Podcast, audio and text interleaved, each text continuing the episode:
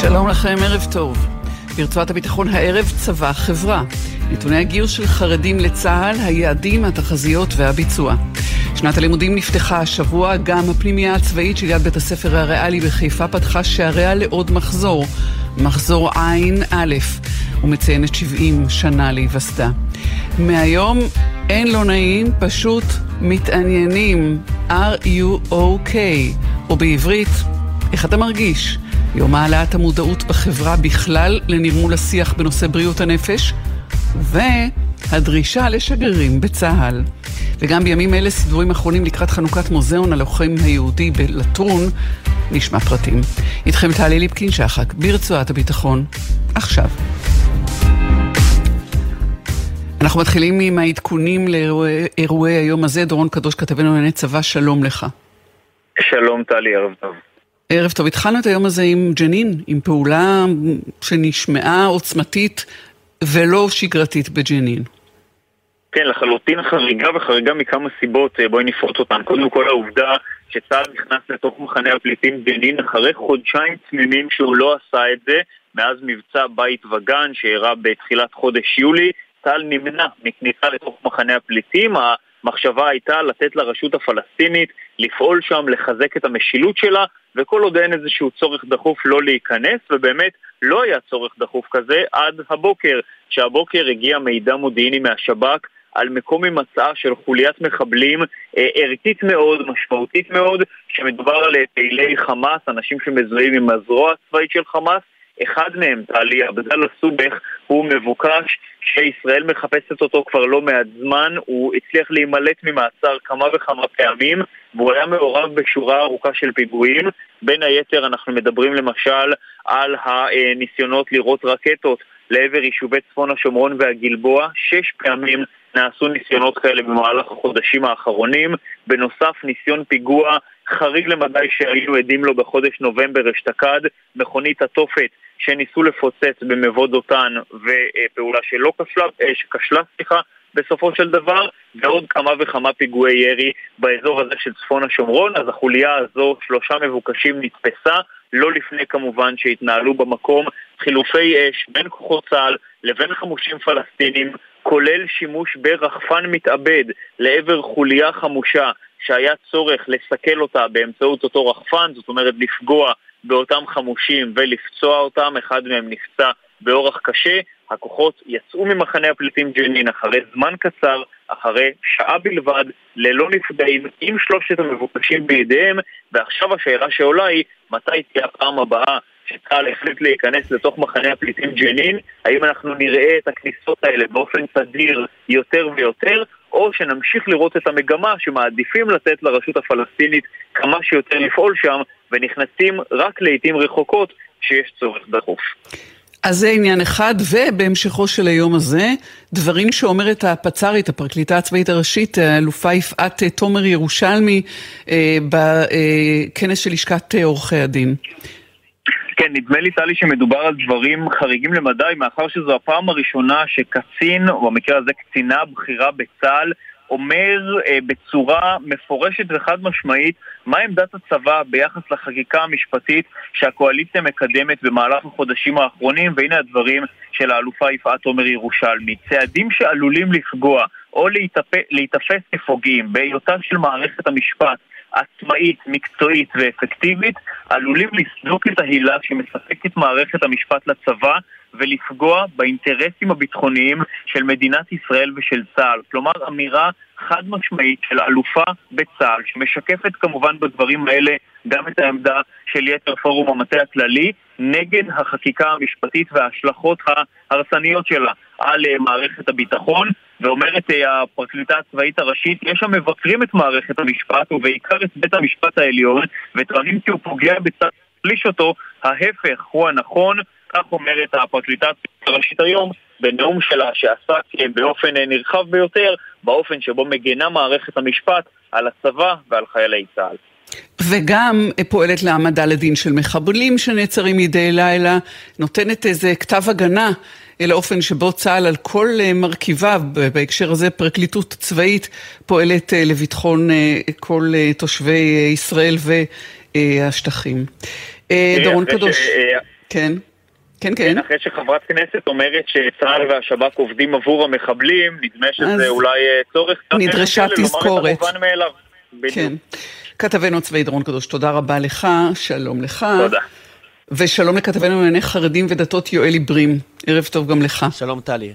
שלום ערב ואתה, טוב. ערב טוב, ואתה הבוקר אה, מדווח אצלנו על, אה, איך נאמר, מספרים המעידים על אה, היחלשות זרם הגיוס אה, של חרדים אה, בהסתכלות על מחזור הגיוס הזה.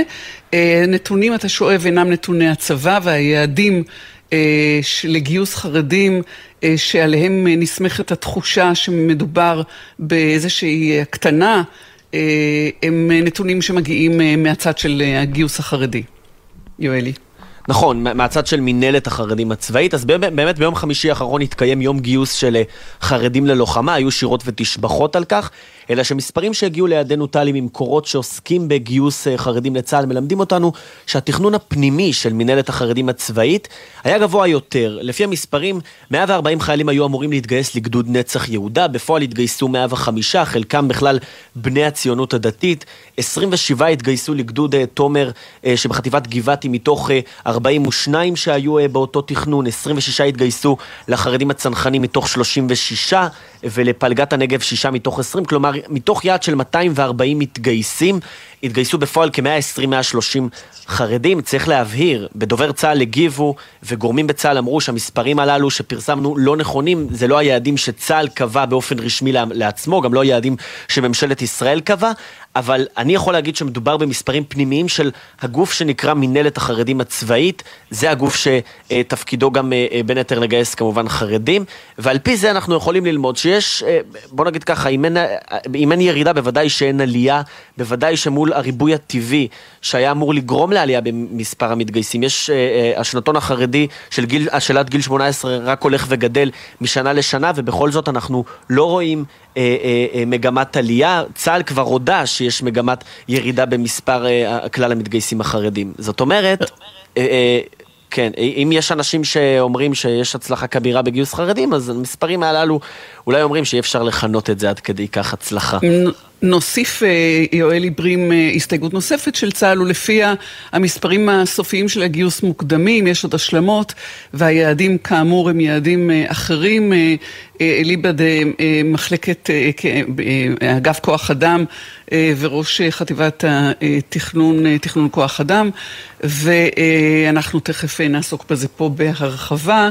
בינתיים תודה לך, כתבנו לענייני חרדים ודתות יואל עיברים, ערב טוב גם תודה. לך. שלום.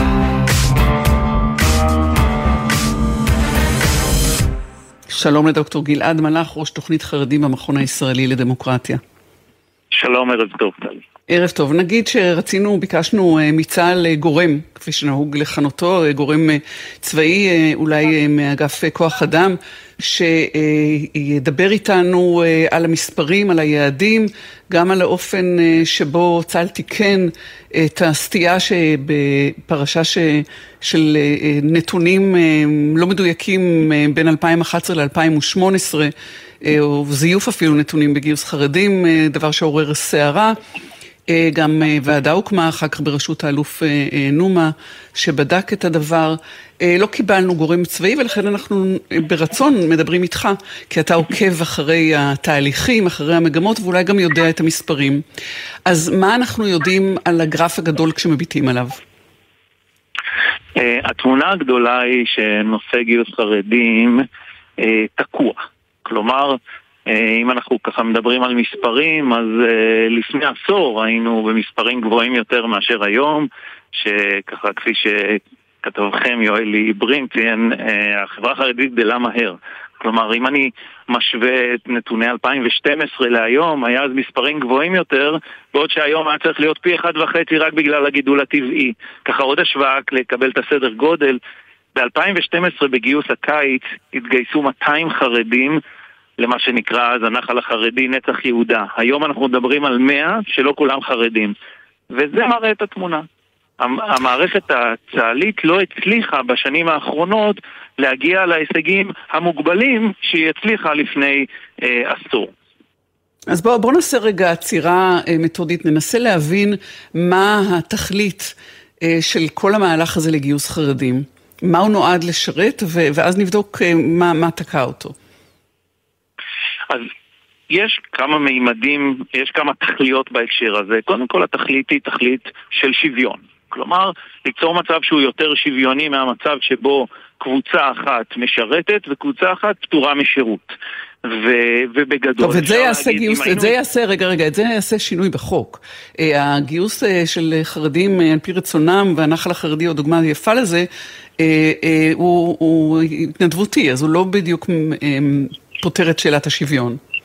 נכון, לא פותר אותו לגמרי, אבל גם כפי שהכיר בית המשפט, יש אפשרות לפתור את זה בתהליך, ואכן, לפני 20 שנה עשו חוק, נקרא לזה, כמו שציינתי, התנדבותי, ואחרי כמה שנים הציבו יעדים, ובגרסה הקודמת של החוק היה אמור להיות גם סנקציות כלכליות, כלומר עוד מימד שהופך את זה לא לשירות התנדבותי לגמרי, לא לשירות חובה לגמרי, אבל משהו באמצע. אבל אה, אה, זה עלה בממשלה הקודמת הכיוון הזה, אה, כרגע זה לא, לא כל כך על הפרק מבחינת המפלגות החרדיות, או חלקם לפחות, אה, אבל כן מנגנון של שוויון אפשר לייצר, זה דבר אחד. דבר שני, ברור, ויש כמה וכמה מחקרים שנעשו על הדבר הזה, חרדים שמשרתים בצבא משתלבים אחר כך הרבה יותר טוב בחברה הישראלית, בעולם התעסוקה, השירות הצבאי הוא מאוד משמעותי בהקשר הזה. ודבר אחרון, שני התחומים העיקריים שחרדים משרתים בהם בצה"ל, היינו mm-hmm. שירות קרבי ושירות טכנולוגי, זה תחומים שצה"ל צריך, צריך בהם כוח אדם, ספציפית. ולכן יש גם תרומה לצה"ל בהקשר הזה.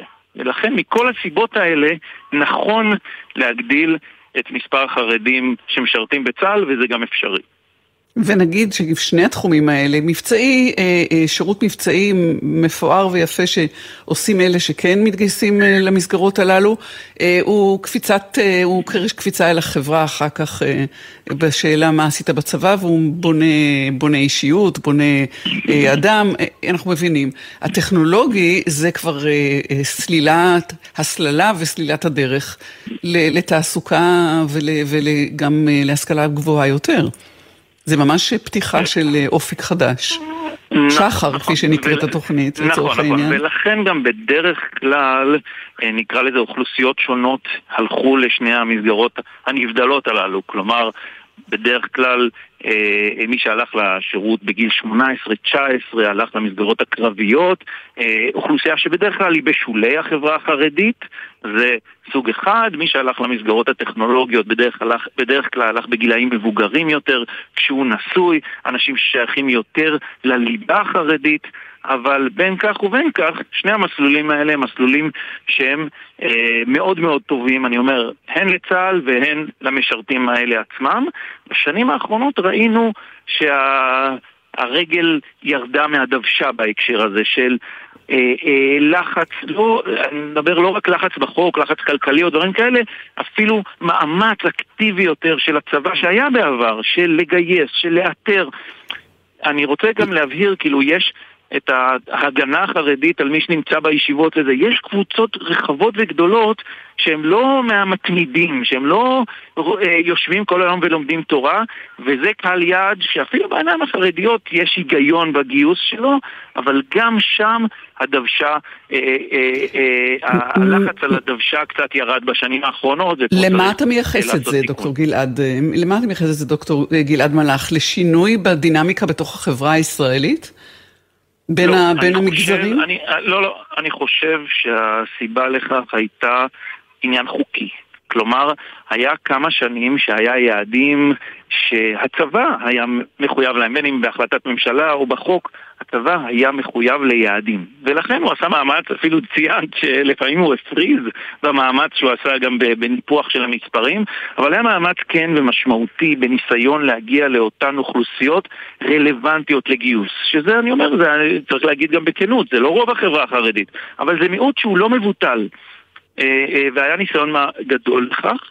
כשבעצם החובה הזו ירדה, אז גם המוטיבציה של צה"ל בעניין הזה ירדה. ולכן אני, את הדברים האלה אני אומר גם בהחלט ביחס לדיונים על חוק הגיוס הנוכחי, שיש מקום להצבת יעדים כאלה. הצבת היעדים האלה היא, היא בראש ובראשונה לא לחברה החרדית, אבל היא נועדה לחייב את צה"ל לעשות מאמץ שבסופו של דבר הוא גם אה, אה, אה, חיובי לצה"ל, אבל ודאי שהוא חיובי בעיניים שאנחנו מסתכלים על החברה הישראלית, גם בהיבטים של השוויון וגם בהיבטים של שילוב בתעסוקה, זה מאמץ שהוא חיוני. עכשיו, תן לי את נקודת המבט, אה, דוקטור מלאך, אה, של אה, החברה החרדית לשאלת הגיוס. אז בהקשר הזה צריך להגיד, יש נקודות מבט. כלומר, אה, בוא נאמר, המכנה המשותף שרוב מוחלט של החרדים, גם הציבור וגם ההנהגה, אה, אה, לא רואים את הצבא אפילו כאופציה. כלומר, מבחינתם, לימוד תורה זה מה שחשוב, זה מה שמשמעותי, ולא חרדים בכלל לא צריכים להיות בצה"ל. זאת התפיסה העקרונית. יש בכל זאת נקודות מבט ופערים ביחס לאיך אנחנו אמורים להגן ולעגן את זה גם בחוק.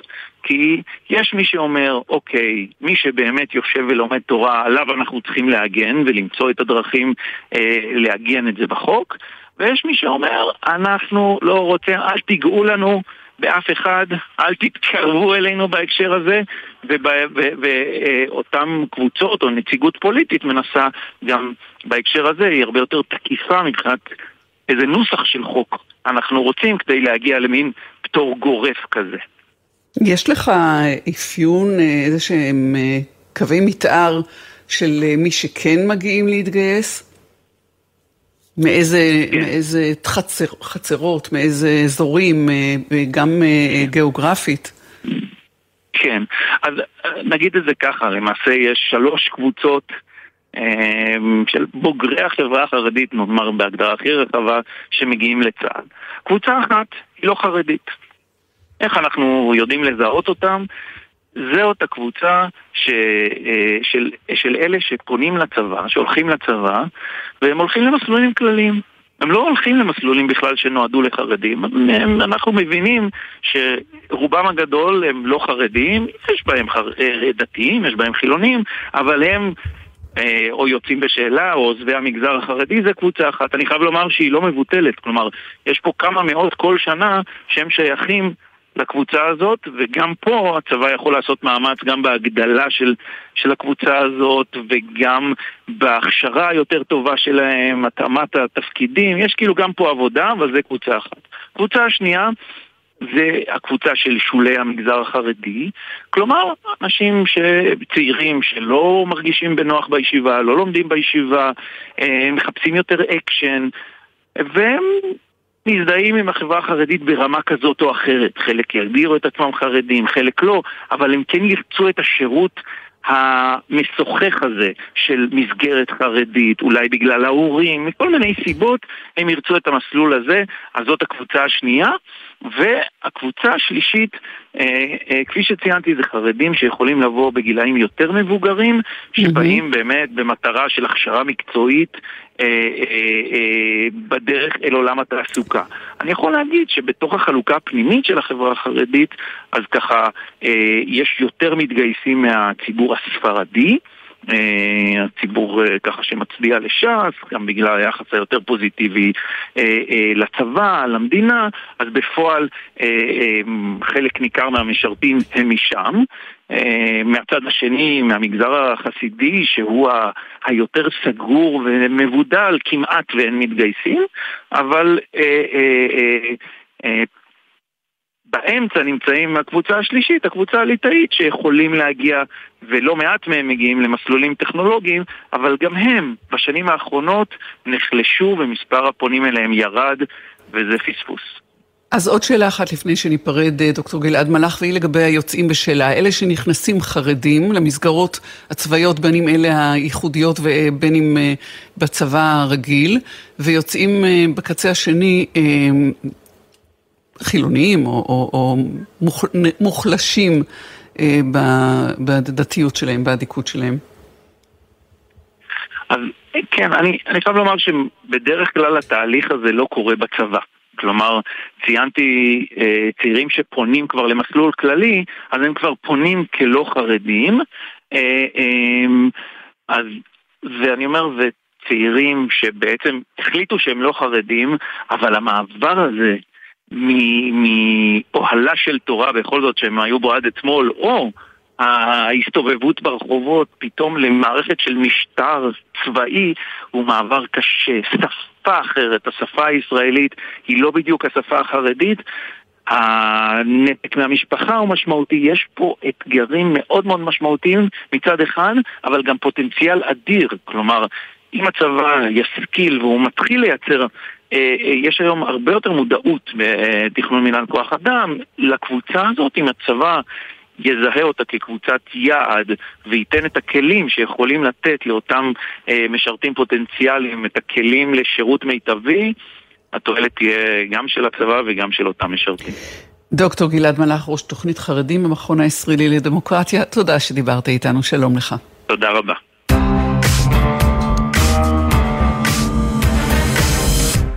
ושלום לך, תת-אלוף במילואים ערן אה, מקוב, מפקד הפנימייה הצבאית לפיקוד של ליד בית הספר הריאלי בחיפה. ערב טוב בהשקט ובבטחה לך. שלום טלי, ערב טוב לך. שלום. שלום וברכה. אנחנו מדברים משום שזהו השבוע הראשון לשנת הלימודים, וגם אה, בבית הספר הריאלי בחיפה התחילו הלימודים. מחזור ע"א בפנימייה הצבאית החל אה, את לימודיו ביום ראשון? כן, אכן, יש פה את מחזור ס"ט שהם הבוגרים בכיתה י"ב, מחזור ע' שהם י"א ומחזור ע"א שהם אה, חבר'ה שעלו לכיתה י' והאמת היא שהם כבר התחילו לפני שבוע וחצי באימון אה, צה"לי, אימון כליאה בו הם אה, רצו פה בגבעות, ירו במטווחים בבסיס אליקים והפגינו חיילות למופת.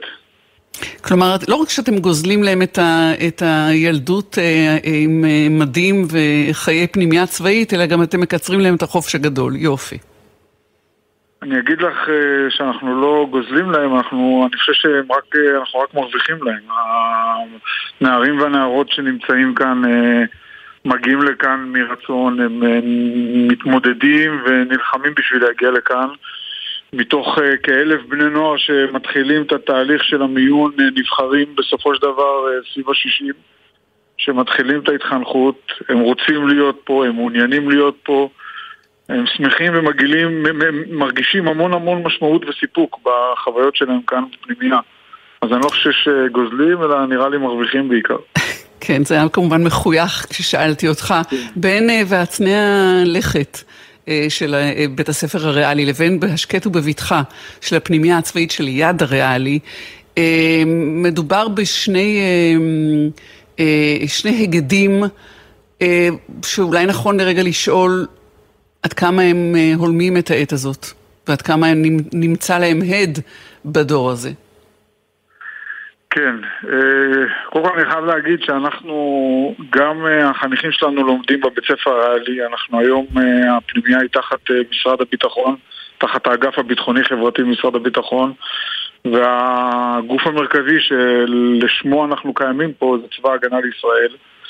ובהחלט אני חושב שדווקא בימים אלו, דווקא בימים של הרבה מאוד עיסוק במה ש...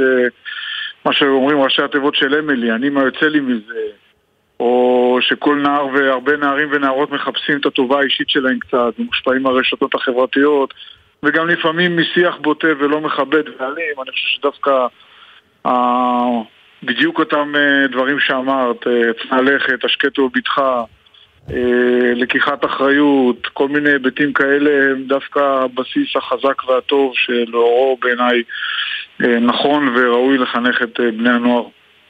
אמרנו, אה, תת-אלוף במילואים ערן אה, מקוב, אה, מחזור ע"א, רמז לשנה ה-71 לקיומה של הפנימייה הצבאית, כנס 70 שנה של מצוינות, התקיים ב-10 באוקטובר בבית בירם הנודע של, של בית הספר הריאלי, שהוא יהיה כנס מחזורים, 70 שנה של מצוינות.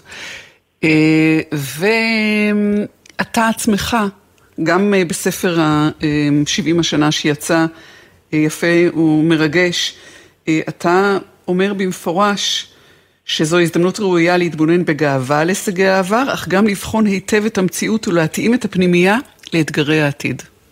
איך עושים את זה? אה, קודם כל אנחנו עוסקים בזה יום יום, לא רק אנחנו, אנחנו עוסקים בזה, משרד הביטחון עוסק בזה, הצוות אה, החינוכי בבית ספר הריאלי, ובעיקר בעיקר גם לא פחות צבא הגנה לישראל.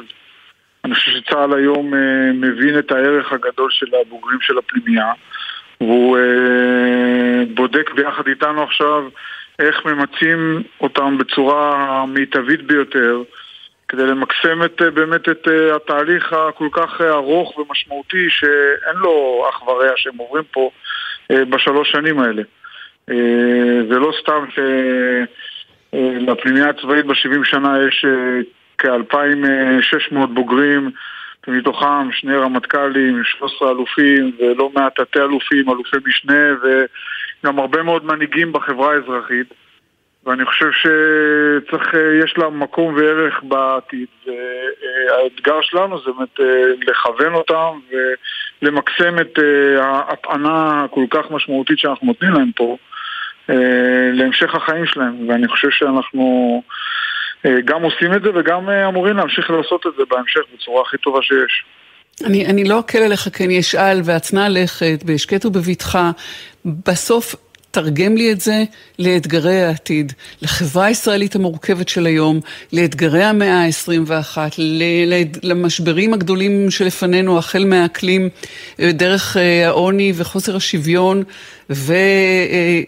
ושיעורי הרעב בעולם, ועד המלחמה על הדמוקרטיה. איך אתגרי העתיד האלה באים לידי ביטוי אצל נוער שהתחיל את שנת הלימודים שלו במטווחים.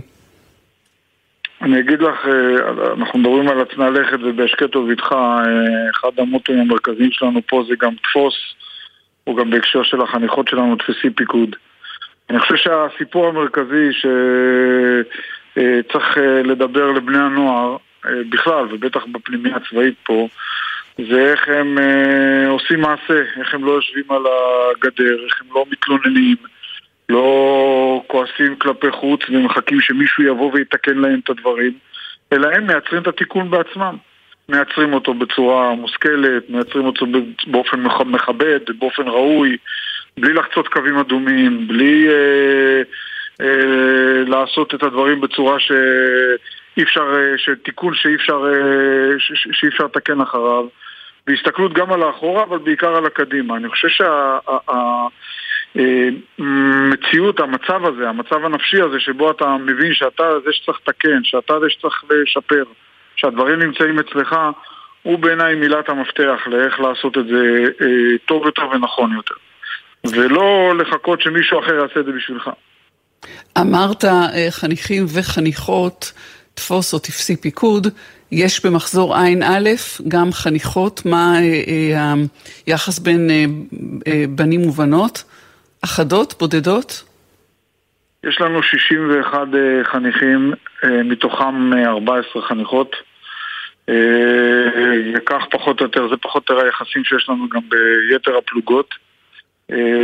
וכן, יש פה חניכות שהן מלאות מוטיבציה, אה, עושות את הדברים שווה בשווה עם החברים שלהם. אה, ובהחלט אה, מפגינות יכולות וחוסן והרבה מאוד היבטים מאוד מאוד חזקים שלהם. שתיים מהן דור נכדות, דור שלישי למייסדים. נכון, אכן, יש פה שתיים שהן דור, זה בכלל, צריך להגיד שיש פה לא מעט uh, חניכים, גם במחזור ע"א וגם במחזורים שלפני זה, שהם בנים של, נכדים של, אחיינים של, uh, והמון המון דוגמאות לחבר'ה שממשיכים את הדרך ואת המסורת של ההורים שלהם. Uh, ושל, ושל הסבאים הסב, שלהם. ושל הסבא וזה כן, ושל הסבאים שלהם, אכן. כן, יש שתי, שתי נכדות שהסבים שלהם הם, הם חניכי הפנימייה הצבאית, אם אני לא טועה. נכון, את צודקת. נכון. כן. אנחנו אה, נסתפק בזה, למרות שעוד אפשר להמשיך ולשאול, רק אתה עצמך כבר שלוש שנים אה, בתפקיד הזה, ואנחנו גם דיברנו ב... אה, לדעתי, כשרק נכנסת, אתה עומד לסכם, להיפרד, או שאתה ממשיך? אני ממשיך פה, ואני חושב שאני אני כל יום קם בבוקר, אני חושב ש... צריך להגיד שהשתחררת מהצבא, הלכת לאזרחות וחזרת לתפקיד הזה. ראית בו שליחות. נכון, אז נכון, משפט, נכון, משפט על זה לפני שניפרד, אז, עליך. אז אני אומר, אני כל, אני כל יום קם בבוקר ומברך את הזכות הגדולה שניתנה לי להיות uh, חלק מהמוסד הזה, המקום המדהים והמיוחד הזה, ולעבוד עם הנערים והנערות הנפלאים האלה. ואני אומר עוד פעם, את דיברת הרבה על אה, אתגרי העתיד, אז אני, אני, אני רואה פה את, את, את הצד המאוד מאוד מאוד חיובי של העתיד. וזו זכות גדולה, זה כיף גדול, ו- ואני מזמין את כל מי שרוצה לבוא ולראות את, ה- את הדבר הזה, ולהבין שיש, ש- שאפשר להיות גם מאוד מאוד אופטימיים, אולי במציאות המורכבת שבה אנחנו נמצאים. 70 שנה של מצוינות, עשרה באוקטובר בבית בירם. תת-אלוף במילואים ערן מעקוב, מפקד הפנימייה הצבאית לפיקוד של יד בית הספר הריאלי בחיפה, תודה שדיברת איתנו, שנה טובה שתהיה לכם. שנה טובה ותודה רבה, טלי. שלום. הודעות תחנה וחוזרים. בחסות אסום נדל"ן, המציעה הטבה ותנאים בלעדיים לעמיתי קרנות השוטרים. קרנות השוטרים בשכונת בוסתנים החדשה בשדרות. פרטים באתר או בכוכבית 2061.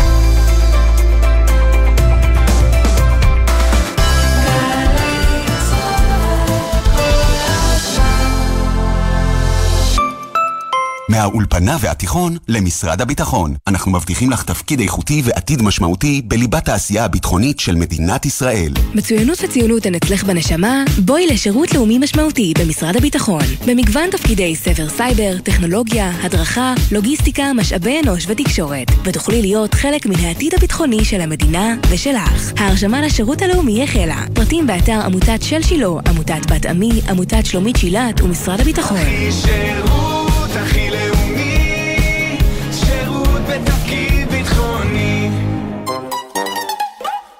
עכשיו בלוטו 22 מיליון שקלים, ובדאבל לוטו עד 44 מיליון שקלים. הופה!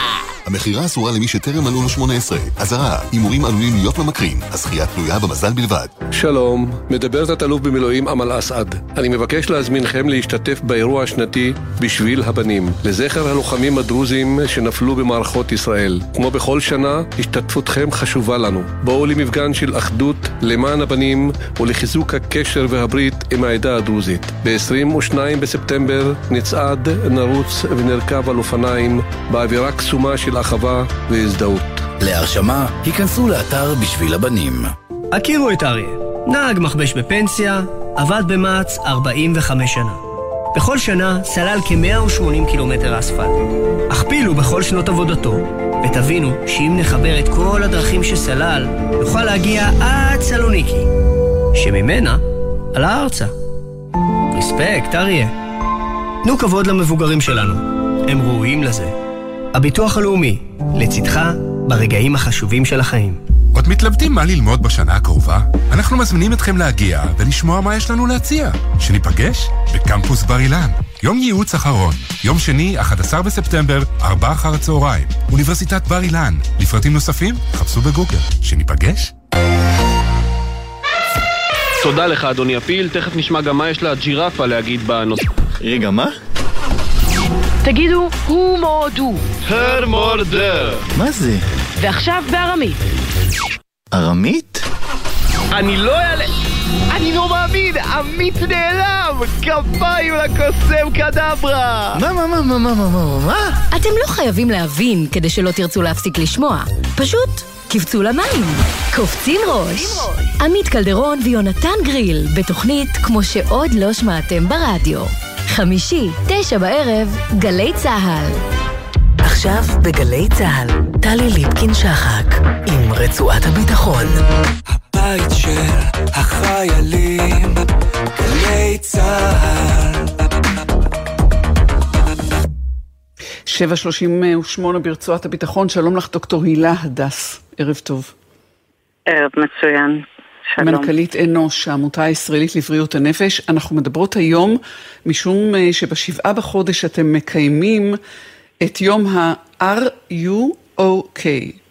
זה היום הפעם השנייה שאתם עושים את זה, הוא יום העלאת מודעות לנרמול השיח בנושא בריאות הנפש, לעידוד התעניינות, התעניינות אמיתית באנשים סביבנו באמצעות שיחה שיכולה לשנות חיים. שיחה קטנה, שינוי גדול, are you okay? אתה בסדר? את בסדר? איך המרגש? הכל בסדר? אה, זה מיזם אוסטרלי, ואנחנו אימצנו אותו. נכון, זה מיזם נפלא שהוקם על ידי אדם בשם גדין לארקן באוסטרליה, שהוא איבד אה, את אביו להבנתו בדיעבד כתוצאה מכך שלא שאלו את אבא שלו באמת מה נשמע, שלא הייתה התעניינות אמיתית במצבו, ולמעשה הוא אה, לקח את חייו בידיו, ואנחנו יודעים שאף אחד לא רוצה להפסיק לחיות. רק יש אנשים שהכאב של החיים מכביד עליהם. ויש לנו אחריות, כמו שגבין עשה באוסטרליה, ואנחנו שמחים שהצלחנו לקבל את הרשות לקיים את הגישה הזו גם כאן בישראל. יש לנו את האחריות לשים לב למה שנעשה סביבנו. עם אנשים שנמצאים איתנו, אנחנו הרבה עם אנשים בעבודה, בתנועת הנוער, בבית הספר, בצבא. אה, בחיים יש אנשים מסביבנו, וחשוב שלא נהיה שקופים אחד לשני, ושנרגיש, שנשמע מה עובר עליהם. למעשה את אומרת, אה, אתם אומרים, הרעיון הזה אומר, יש, אה, יש לזה טכניקה, שכשלומדים אותה ומפנימים אותה, זה נורא פשוט וזה כל כך משמעותי. ולמה אנחנו מדברות ברצועת הביטחון? משום שאת הטכניקה הזאת ואת המסר הזה, אתם חושבים שנכון להפיץ בכל מקום, על אחת כמה וכמה, קל וחומר בצה"ל, שם המתחים, הקושי, הם לפעמים מאוד מתחת לפני השטח. אני כבר לא מדברת על פוסט-טראומטיים שמסתובבים בינינו כבר אחרי השירות הצבאי. את מצפה, או היית נכון. רוצה שגם הצבא יהווה שגריר, שחיילי צה"ל יהוו שגרירים לדבר הזה, יבואו, ילמדו, יקנו, את, ירכשו את הכלים האלה וישתמשו בהם, לא צריך להיות איש מקצוע לשם כך. בדיוק כך. אני חושבת שכאן הנקודה המשמעותית ביותר. יש, אה, יש נטייה לחשוב שנושאים אה, שקשורים ברגשות, טוב שהם יטופלו על ידי מומחה לתחום. אה, אולי פה גם לומר, אני לא מומחית בתחום, אני אידיאולוגית אה, ואני פועלת בתחום בריאות הנפש כאחד האדם, כאדם שחשוב לו להשפיע ולבצע אה, שינויים חברתיים.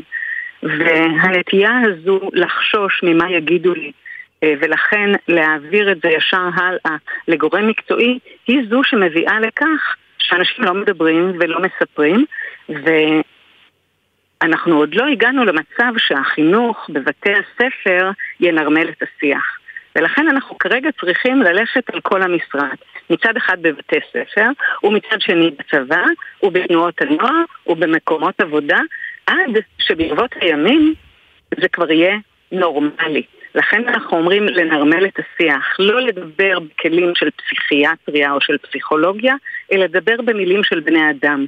ובצבא, מכיוון שאנשים לא מכירים בהכרח אחד את השני אה, מהעבר, הם מתוודעים אחד לשני תוך כדי משימות מאוד מורכבות, תוך כדי לחצים מאוד גדולים, הרצון הרב להצליח מוביל לכך שהרבה אנשים מסתירים. ברגע שתהיה נורמליזציה ביכולת לשאול, בהקשבה לתשובות, ובעצם בהנאה לפעולות שהן משפרות מצ... מצבים באופן מהיר, אנחנו אה, מדברים נורמליזציה, עושים אותה בפועל דרך הטכניקה, ומאפשרים לאדם להרגיש שמישהו חושב עליו, יש לו למי לפנות, והוא לא צריך אה, ללכת לקב"ן בהכרח. קודם כל. מישהו רואה אותו. נכון. מישהו מתעניין. ובעיקר מי שנמצא לידו. זאת אומרת, אה, כשהמפקד אומר תלך לקב"ן, הוא כבר עשה פעולה שהיא מכווינה אה, אולי אפילו לקראת אבחון, או שהיא אומרת, אתה לא מספיק טוב בשבילנו, ולכן לך, נראה, לך אל הקב"ן והוא יאמר לך למה אתה לא מספיק טוב בשבילנו, או אה, למה אתה לא מסתדר ולמה אתה לא מצליח. אבל לפעמים זה פעולות פשוטות אה, של אה, לשאול הכל בסדר בבית. אה, יכול להיות שיש משהו שהיה כדאי שנדע אה, ואז נראה איך אנחנו עוזרים לך. הרי בסופו של דבר, אני לא מכירה אנשים שלא רוצים להצליח בכוונה. אנחנו, אני, אני פה צריכה רק לדוקטור הילה הדס לסייג ולומר שההפניה לקב"ן היא לא, היא לא בהכרח מסמנת ומרחיקה, לפעמים היא באמת הפעולה שהיא עדות דווקא לקשב ולרצון לסייע, לאו דווקא כדי לבדל. נגיד רק שיש בעיה שאין די קב"נים, מערך בריאות הנפש הוא, הוא, הוא כל הזמן בחסר, אז אם אפשר, אפשר לא להגיע לשלב הזה ולפתור את זה עוד קודם, אבל על זה אני אשאל עוד שאלה, כי את, אתם מדברים על ארבעה שלבים פשוטים אה, שכוללים את ההצעה לדרכים לפעולה, ויהיו שיגידו, אה, זה קצת לקחת על עצמי אחריות, hmm. להיות זה שמציע פעולה. אז ברשותך, אני אתייחס עכשיו אה, לשאלה הנוכחית, אבל אני גם ארצה לחזור לשאלה הקודמת, או להתייחסות החשובה שלך בנושא הקב"ן. אז רצף הפעולות הוא שאלת שאלות בזמן שאפשר לקבל תשובות, התעניינות אמיתית ושיחה, אחר כך הנאה לפעולה, ובסוף גם לשמול כמה ימים אחרי זה אם הכל בסדר. עכשיו, למה אנחנו אומרים שזה של פעולות נורמליות ושכל אחד צריך לעשות אותן, או בואו נגיד אחרת, למה אנשים לא עושים אותן? בגלל שאלת האחריות. אבל אתה, כשאתה שואל את החבר שלך מה שלמה, ואתה מתעניין באמת, הוא יודע שאתה לא עובד סוציאלי ולא פסיכולוג ולא קב"ן. הוא אמור להבין שאתה שואל אותו לא מתוך תפקיד. רוב האנשים, ואנחנו יודעים את זה מתוך סקרים שערכנו, רוב האנשים לא שואלים את השאלות אחד, כי הם חוששים לקחת אחריות, שתיים, הם לא בטוחים שיהיה להם מה לומר, וגם הם חוששים מהמבוכה ומהחדירה לפרטיות. בדיוק, אולי הם לא רוצים לפלוש לפרטיותו של האחר. אבל עכשיו, השאלה איך אתה מציג את המצע לשיחה. ואם אתה אומר לו, תשמע, אנחנו נמצאים ביחד כבר שבועיים, משהו השתנה בשבוע האחרון. אתה מרגיש לי שיש משהו שמציק לך. אתה רוצה שנדבר על כך? עכשיו, כמובן שאם אתה תשאל את השאלה כשעומדים לשקם, אני לא יודעת אם עוד יש דבר כזה, ויש עוד 80 חיילים מסביב, אז ברור שעשית את הפעולה הנכונה בזמן הלא נכון. והתוצאה היא פעולה לא נכונה. אבל ככל שאתה נמצא עם אחד החברים בחדר, או שומרים ביחד, ומנהלים את השיחה לא רק על המוזיקה ששמעתם, מת, מתאפשרת סביבה נטולת שיפוטיות, אינטימית, ששם יכול להתרחש שיח שכשאתה אומר, אני לא רוצה לחזור לפרטיות, ואני אבין אם יש דברים שאתה לא תרצה לומר, אבל אני כאן כדי לשמוע, ואני מבטיח שאני אשמור את הדברים איתי, מייצרים מצע לשיחה. השאלה אם מישהו טורח לייצר את המצע לשיחה. אז לפעמים לא טורחים, כי אנחנו עסוקים בדברים אחרים, ואנחנו לא נוטים להסתכל על מי שנמצא סביבנו, ולא בגלל שאנחנו לא אנשים טובים, אלא אנחנו עוד לא התרגלנו, לכן זו הנורמליזציה. עכשיו, okay. אוקיי. למה חשוב לי לדבר על מה שאמרת קודם בעניין הקב"ן? כי זה נכון שהמפקדים מקבלים הנחיות לשלוח לקב"ן כפעולה נורמטיבית, וזה צריך להיות ככה. אבל אנחנו שוכחים שיש סטיגמה, לכן צריך לנרמל. וכשאני הולך לקב"ן, אז רואים שהלכתי לקב"ן, וחלק מהחבר'ה לא יקבלו את זה בצורה טובה.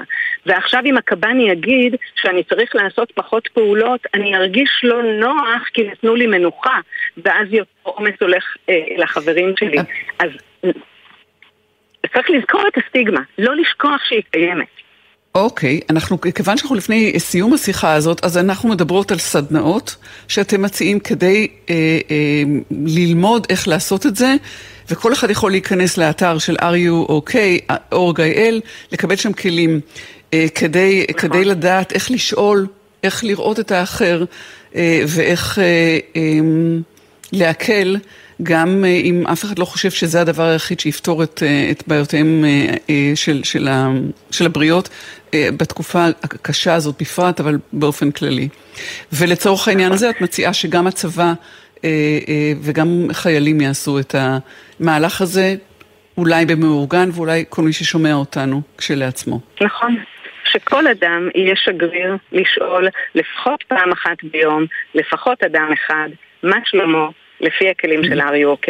ויש לנו הזדמנות עכשיו, אם אני יכולה להגיד עוד משפט אחד, ביום משפט חמישי... אחרון, אנחנו באיחור. כן. האירוע שלנו הוא בשרונה. הלוואי ומפקד מחנה מטכ"ל שומע אותנו עכשיו וישלח את החיילים שעה, שעה וחצי, לא יותר. יצאו, ש...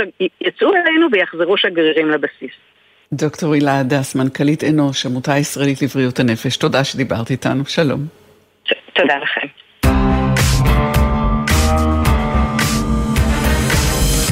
לפני סיום עוד עניין אחד, תת-אלוף במילואים אה, צביקה קנטור, מנהל מוזיאון הלוחם היהודי במלחמת העולם השנייה בלטרון, שלום לך.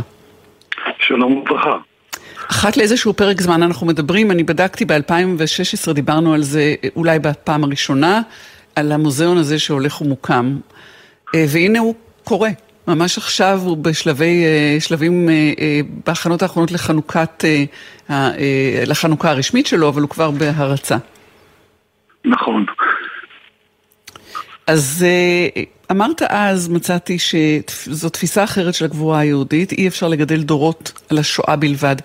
זה היה ב-2016, בניתם מוזיאון. אה, האם הנרטיב הזה השתנה בתוך כדי התהליך? מה ימצא מי שייכנס עכשיו אל המוזיאון הזה? מה הוא יבין שאתם רוצים לומר? המוזיאון הזה בעצם בא ליצור איזשהו שינוי בתפיסה שלנו לגבי התנהגות היהודים במלחמת העולם השנייה. ומאותו נרטיב שמדבר על שואה וכל מה שכרוך בה, אנחנו באים ואומרים, אנחנו לא פוגעים בנושא של השואה, אבל היהודים עשו עוד משהו במלחמה הזאתי, וזה לחימה. וכשאני מדבר על לחימה זה לא בודדים, זה לא פרטיזנים אומרת פה, אומרת שם, אלא זה יהודים מכל העולם שמשתתפים בכל הצבאות בקרבות נגד האויב הנאצי והשותפים שלו, ואנחנו מדברים פה על למעלה ממיליון וחצי לוחמים יהודים, ואולי ב... מעבר למה שדמיינו, פתאום כל קהילות ישראל בכל העולם מוצאות איזושהי הזדהות עם מה שאנחנו עושים, והפעולה הזאת שהם באים והם רואים על הקירות, על המסכים, על כל מה שנמצא אצלנו ובצורה מאוד מרתקת, הם אומרים, רגע, זה אנחנו, זה התרומה שלנו ואף אחד לא דיבר על זה. ו... במשך, במשך השנים אה, עוד ועוד אנשים אה, שלחו חומרים, אתם באיזשהו מרוץ נגד הזמן, משום שמי שלחמו במלחמת אה, העולם השנייה, מרביתם כבר אינם. אמת, אז אמת. אתם, אתם בעצם בדיאלוג כבר עם הדור השני. אנחנו בדיאלוג גם עם הדור השני, גם עם הדור השלישי, אבל לשמחתי עוד נותרו אה, אה, מספר וטרנים או לוחמים לשעבר, ויש לנו די ויותר חומר. זאת אומרת, מי שמגיע אלינו, הוא מוצא עושר כל כך גדול שגם ביקור אחד או שניים לא מספיקים לכסות את כל מה שהוא יוכל לראות במוזיאון. גם אה, אופן הצגת הנושא, בניגוד למוזיאונים רגילים, הוא שונה, הוא מעניין, הוא מרתק, עם סרטים, עם אה, אה, כל מיני אה, טכנולוגיות סופר חדישות. והמקצב הוא, הוא שונה ומרתק. המיקום ומרתק, של אנחנו, המוזיאון אנחנו, הזה. המוזיאון ש... נמצא בלטרון. המיקום שלו משמעותי מבחינת, מבחינתכם, ואם כן, תסביר באיזה אופן. קודם כל צריך לזכור שלטרון זה ערש ההיסטוריה הצבאית של אה, עם ישראל עם קרבות יהושע בן נון, ואם זה אה, מלחמת השחרור, ואם זה קרבות יהודה המכבי, אבל הוקם שם גם מרכז השריון, יד לשריון, ולגבי אותם וטרנים, ותיקי מלחמות שמגיעים ורואים שהמוזיאון נמצא בלב אה, אזור עם, אה, עם טנקים, עם רקם, הם מבינים שזה לא איזשהו סתם בניין שנמצא אי שם בשטח. וזה בהחלט ממלא אותם בגאווה.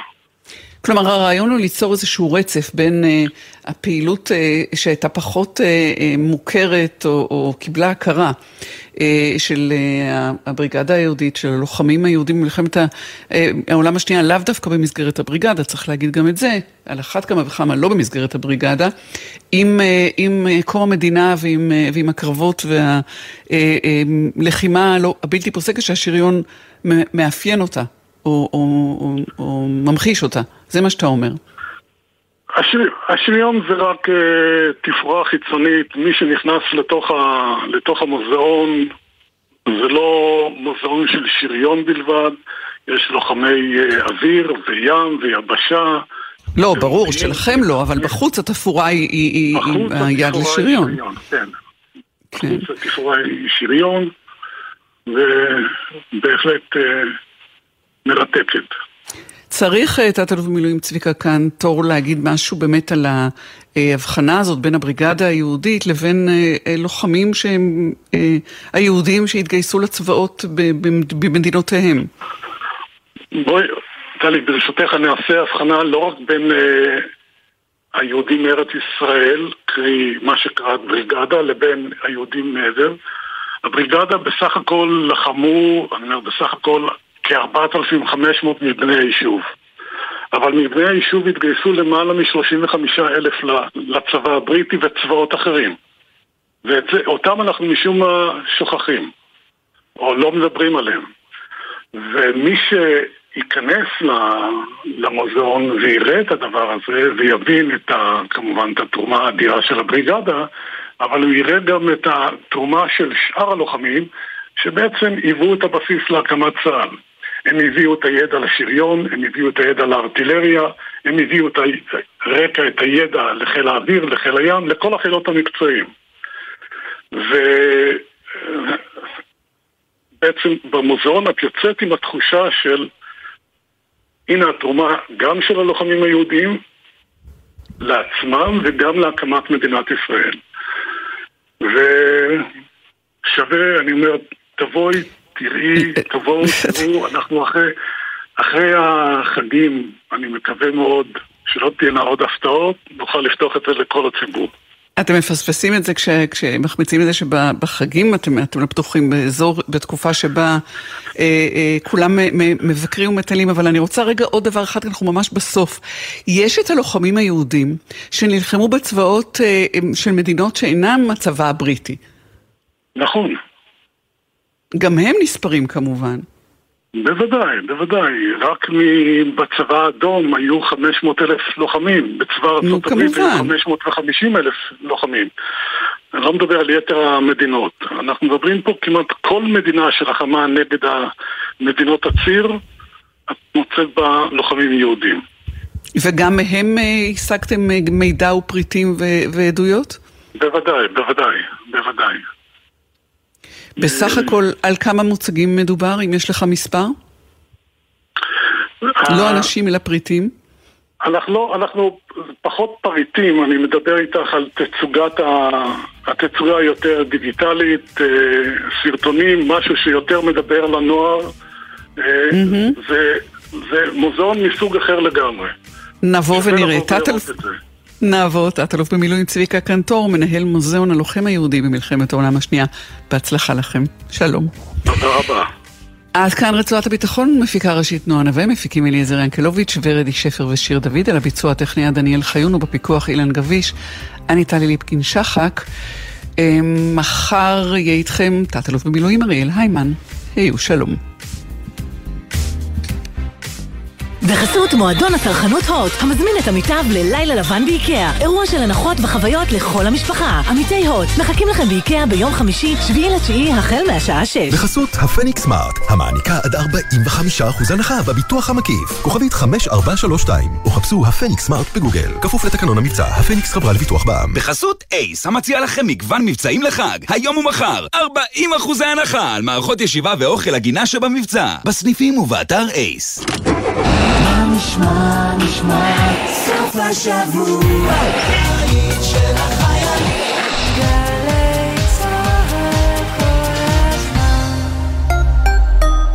עמיתי מועדון חבר, ההרשמה למרוץ חבר בעיצומה. אתם וקרוביכם מוזמנים לרוץ במגוון מסלולים, לתרום את הקילומטרים לעמותת פרקינסון בישראל, ליהנות מאירוע ססגוני, כיבוד עשיר וערכת שי לכל משתתף ומשתתפת.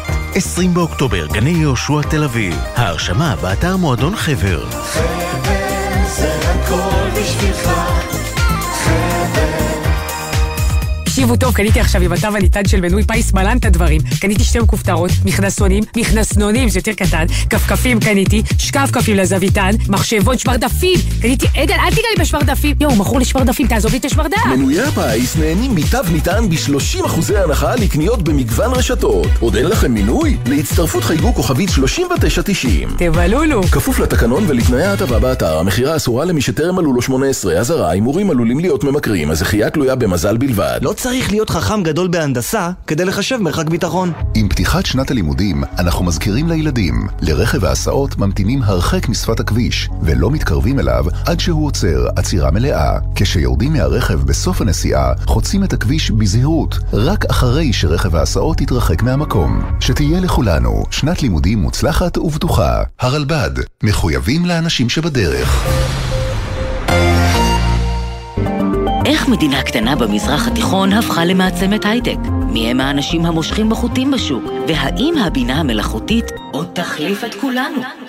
ברוכים הבאים לסיליקון ואדי, סיפורו הייחודי של ההייטק הישראלי.